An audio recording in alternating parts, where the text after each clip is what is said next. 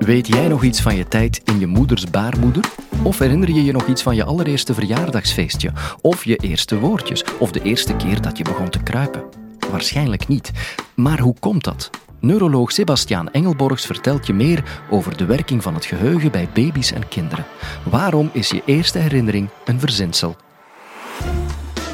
Dit is de Universiteit van Vlaanderen.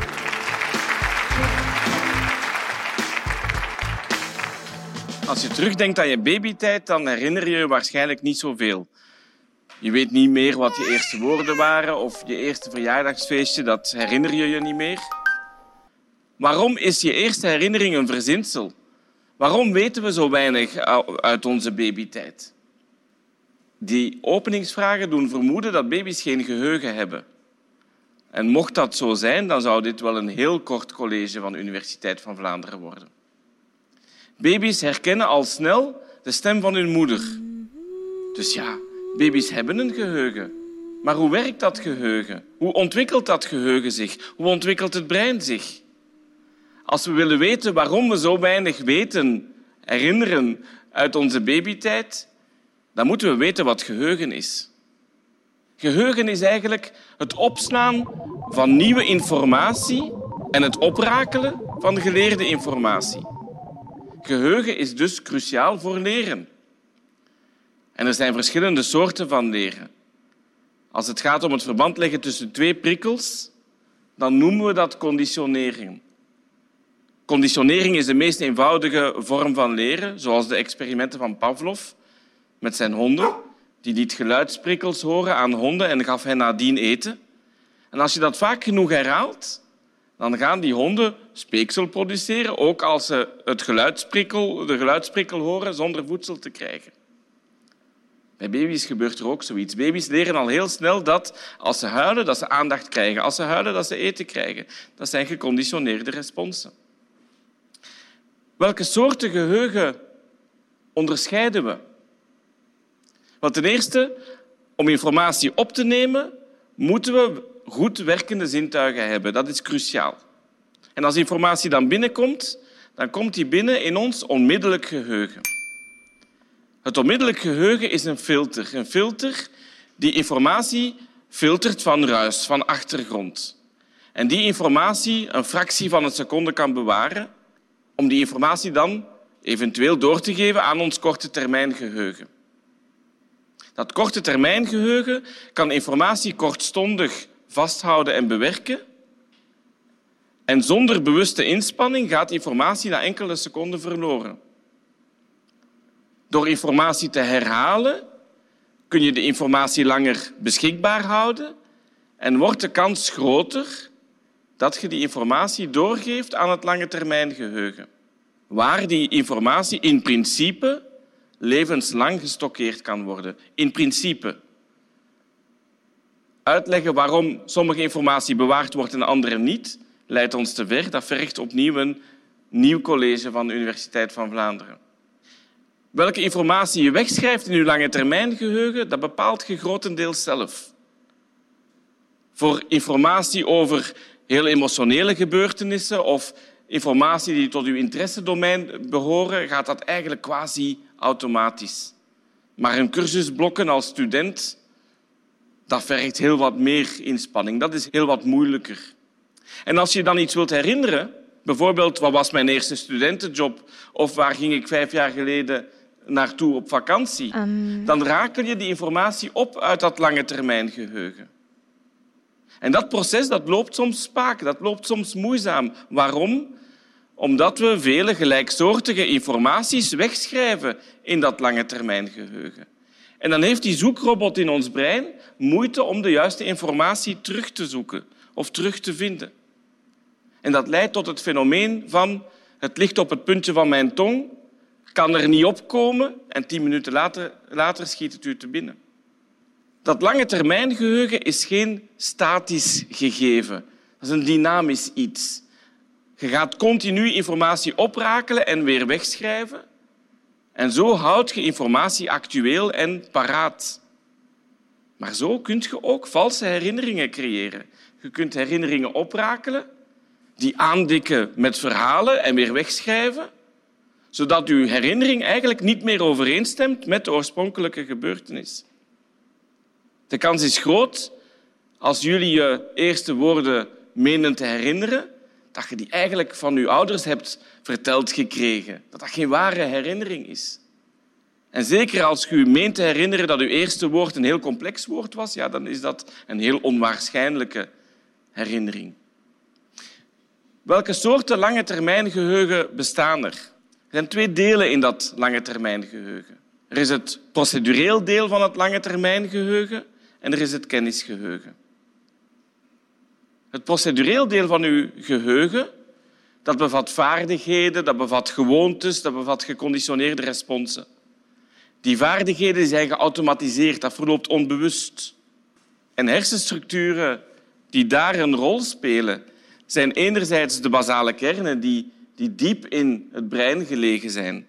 En anderzijds ook de kleine hersenen, die hier achteraan en onderaan de hersenen gelegen zijn. En naast het procedureel deel van het geheugen, van het lange termijn geheugen, heb je ook het kennisgeheugen. En dat bestaat op zijn beurt uit twee delen. Een deel waar je verhalen wegschrijft, autobiografische verhalen, autobiografische informatie.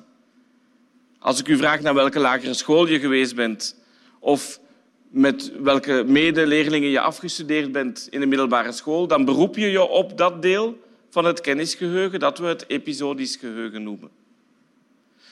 Het tweede stuk van dat kennisgeheugen bevat basiskennis en is in categorieën onderverdeeld. Bijvoorbeeld wortelen, ui, prei, selder zijn groenten of een fiets, een bus, een trein, een auto zijn vervoersmiddelen. Dat deel van het kennisgeheugen noemen we het semantisch geheugen. En de scheiding tussen dat procedureel deel van het geheugen, de vaardigheden onbewust, en het kennisgeheugen bewust, is eigenlijk arbitrair. Bijvoorbeeld, als je leert autorijden, dan moet je nog nadenken over de verschillende handelingen die je uitvoert. Maar als je tien jaar lang auto rijdt, dan is dat volledig geautomatiseerd. Dan is dat een gewoonte geworden. Dan moet je daarover niet meer nadenken. Muzikanten spreken ook over het spiergeheugen bijvoorbeeld. Als je urenlang oefent, dan lijkt het alsof je vingers vanzelf piano spelen. Alsof dat je die bewegingen hebt verankerd in je spieren. Je hebt een, een, een geheugen, een proces geautomatiseerd. Dus deel uit gaan maken van uw procedureel deel van uw geheugen. Wat weten we al over het geheugen op dit moment? We weten dat het korte termijn geheugen een centrale rol speelt in de verschillende geheugenprocessen en dat je informatie overbrengt van uw korte termijn geheugen naar uw lange termijn geheugen. Dat proces noemen we imprinting. En de hippocampus die speelt daar een hoofdrol. En de hippocampus ligt aan de binnenkant van de slaapkwabbe, de temporale kwabbe. Als die hapert, zoals bij een ziekte van Alzheimer, dan krijg je moeite om nieuwe informatie weg te schrijven in je lange termijn geheugen. Dan herinnert je moeilijker wat er net is gebeurd. Dan stelt je tien keer opnieuw dezelfde vraag en je krijgt tien keer hetzelfde antwoord als was het nieuw. Terwijl mensen met een ziekte van Alzheimer zich wel heel goed kunnen herinneren wat ze vroeger hebben weggeschreven in dat lange termijn geheugen. Zij neigen dus om meer in het verleden te gaan leven daardoor. Of mensen met een beginnende ziekte van Alzheimer kunnen bijvoorbeeld heel vlot een pianostuk van vroeger spelen, omdat dat deel is gaan uitmaken van hun procedureel deel van het lange termijn geheugen, dat lang bewaard blijft bij Alzheimer. En bij het beginnende ziekte van Alzheimer hapert die hippocampus daar compleet? Nee. Zeer emotionele gebeurtenissen kunnen ook bij mensen met een beginnende ziekte van Alzheimer toch nog worden weggeschreven in dat lange termijn geheugen. Onze openingsvragen gingen over geheugen bij baby's. En kijk nu, we zijn aanbeland bij een hersenziekte, de ziekte van Alzheimer, die vooral ouderen treft en die leidt tot geheugenverlies. Maar hoe zit het nu eigenlijk met dat geheugen bij baby's? Om die vraag te beantwoorden, moeten we inzoomen op de hersencellen, de ontwikkeling van die hersencellen en de ontwikkeling van het brein.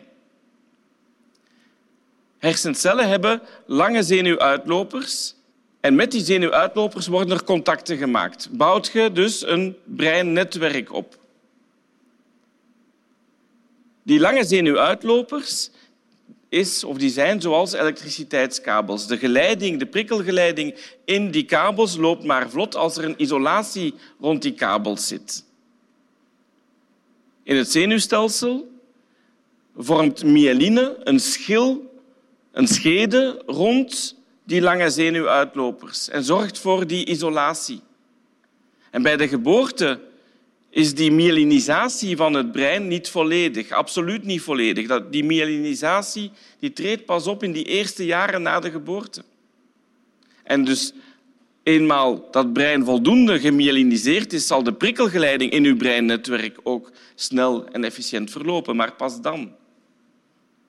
Hoe zit het dan met de ontwikkeling van het geheugen bij kinderen? Een pasgeborene kan reeds geconditioneerde responsen opslaan. Daarvoor zijn de onderdelen van het procedureel deel van het geheugen reeds voldoende ontwikkeld. Maar die hippocampus die verantwoordelijk is voor de opbouw van uw kennisgeheugen is absoluut niet voldoende ontwikkeld. En dus kennis opbouwen kan een pasgeborene niet. Toch kan een baby leren door informatie, oefeningen voldoende te herhalen, kan bijvoorbeeld een kind van zeven maanden het onderscheid maken tussen een categorie groente en een categorie vervoersmiddelen. Wat de basis is van uw basiskennis. Op de leeftijd van twee jaar is de ontwikkeling van het brein ver genoeg gevorderd om reeds uw eerste herinneringen weg te schrijven in uw lange termijn geheugen. De hippocampus begint zich van zijn taak te kwijten. Maar veel details van die herinneringen gaan ook weer verloren in de weken nadien. Een tweejarige kan met veel details navertellen dat zijn grootouders de week voordien op bezoek zijn gekomen, maar de details van die herinnering gaan meestal weer verloren in de weken en maanden nadien, tot er niks meer overblijft. Waarom is dat? Omdat dat breinnetwerk nog niet voldoende gemyeliniseerd is. En pas vanaf een leeftijd van drie à vier jaar kun je echt kennisgeheugen beginnen opbouwen. En ook op die leeftijd neemt de taalontwikkeling een vlucht vooruit. En is dat toeval? Nee, absoluut niet. Want van het moment dat je kennisgeheugen kunt opbouwen, kunt je ook vocabularium leren, kunt je ook grammaticale regels leren, kunt je taal leren. En als je taal leert, kunt je je ouders vragen en kunt je kennisgeheugen uitbouwen. En dat gaat dus hand in hand. Waarom is onze eerste herinnering een verzinsel? Waarom weten we zo weinig over onze babytijd? Baby's hebben nogthans een geheugen. Maar om een echte kennisgeheugen op te bouwen, heb je een voldoende ontwikkeld brein nodig. En dat is pas het geval vanaf de leeftijd van drie à vier jaar. En vanaf dan begint je je kennisgeheugen op te bouwen. Een proces dat nooit meer stoppen zal, tenzij je een ziekte van Alzheimer ontwikkelt.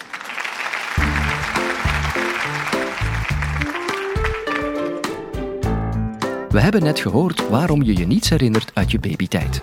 Maar waarom herinneren ouderen met dementie zich enkel nog hun jeugd? Neuroloog Sebastian Engelborgs weet daar ook het antwoord op in podcast nummer 148.